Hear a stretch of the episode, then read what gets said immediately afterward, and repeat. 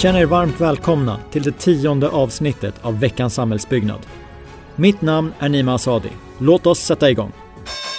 En ny undersökning från SBAB visar att 46 procent av de tillfrågade har arbetat hemifrån som en konsekvens av pandemin. Av dessa är det 62 procent som vill kunna fortsätta göra det även efter att viruset har försvunnit.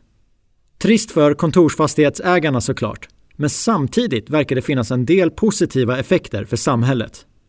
Undersökningen visar nämligen att nästan hälften av de tillfrågade anser att deras privatliv har förbättrats av att arbeta hemma. Branschorganisationen Svenskt Trä gick i veckan ut med att hösten inleds med försäljningsrekord av limträ. Jämför man september i år med samma period förra året så är försäljningen upp 4 Ja, ni hörde rätt. 4 procent. Och jag vet inte. Men är inte det mer av en besvikelse än något man ska hurra för? Jag kanske är fel på det, men det känns som att det pratas väldigt mycket om övergången från andra byggmaterial till trä. Något som inte direkt lyser igenom sådär jättemycket i siffrorna som nu presenteras. Visst, jag är medveten om att det finns andra träprodukter än limträ, men ändå, 4% Kom igen! I tisdags var det nog många som satte morgonkaffet i halsen när Oscar Properties gick ut med att de har ingått ett avtal, villkorat av finansiering, med SBB om att förvärva en fastighetsportfölj för 1,4 miljarder kronor. Hur det ska finansieras? Jo, med en företrädesemission, utbyte av preferensaktier och nya banklån, såklart. Vad det till slut blir av det här återstår att se, men jag tror nog att de flesta snarare väntade sig nyheter om en inkastad handduk än en miljardaffär. Å andra sidan borde vi förmodligen ha lärt oss att det snarare är det oväntade som är det vi ska förvänta oss när det gäller OP. Det var en väldigt konstig mening att avsluta med, men hela den här nyheten är konstig, så det passar bra ihop. Till och med augusti i år har landets förvaltningsrätter dömt ut 11 miljoner kronor i sanktionsavgifter till byggföretag med brister i fallskyddet. Kartläggningen visar att 174 företag har brutit mot föreskrifterna om skydd vid arbete på hög höjd och fått avslag på sin överklagan. Sanktionsavgifterna varierar mellan 40 000 och 400 000 kronor och fastställs utifrån hur många anställda företaget har. De flesta avgifterna ligger mellan 40 och 60 000 kronor.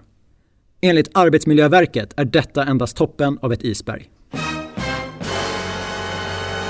Kajsa Hessel är Årets samhällsbyggare 2020. Hon får utmärkelsen för sitt arbete med att avskaffa machokulturen i byggbranschen med siktet inställt på ett bättre ledarskap. Motiveringen lyder att stå upp för något du tror på och våga sticka ut hakan i motvind är ett risktagande.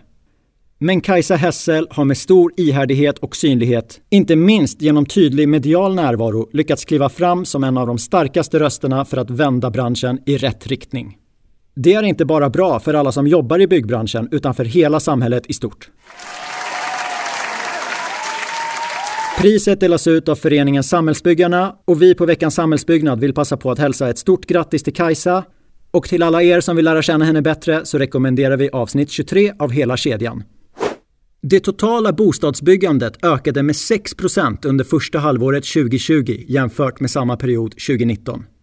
Positivt alltså. Och positiva siffror kunde vi även läsa om arbetslösheten i landet som säsongsjusterat sjönk till 9% i september. Dock så har även sysselsättningen gått ner. Men hur går det ihop, undrar ni?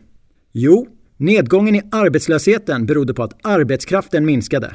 Jaha, inte lika positivt alltså? Eller? Jo, kanske. För en delförklaring till att arbetskraften minskat är att ovanligt många sökt sig till studier, vilket är bra. Så summa summarum, helt okej okay siffror från Statistiska centralbyrån den här veckan. Eller som president Donald Trump hade sagt. The number is through the roof. The numbers are astronomical. Ever growing numbers. Numbers that you've never seen before. Numbers that nobody has ever seen. Numbers that you wouldn't even think are believable. Unbelievable numbers. A massive number. The biggest number. Fastighetsbolaget Atrium Ljungberg redovisade ett förvaltningsresultat över förväntan för det tredje kvartalet 2020. Enligt VD Annika Ånäs, som gästade avsnitt 18 av Hela kedjan, har det under kvartalet varit väldigt få diskussioner om hyresrabatter. Fastighetsbolaget Castellum redovisade även de ett förvaltningsresultat över förväntan. Enligt VD Henrik Saxborn, som gästade avsnitt 76 av Hela kedjan, så är marknaden mycket starkare än förväntat och uthyrningsläget under det tredje kvartalet har varit bättre än föregående år. I veckans lista får vi höra mer om vinnarna i Fastighetsbarometern 2020. Fastighetsbarometern är en årlig NKI-undersökning och som tas fram av CFI Group och Fastighetsägarna Sverige. Nummer 1.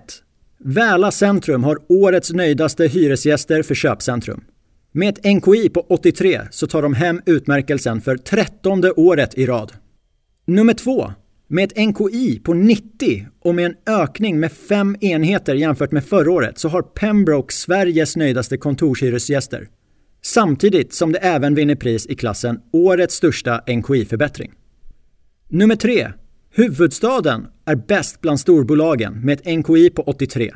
Detta i hård konkurrens då det totalt fanns fem bolag som presterade bättre än 80.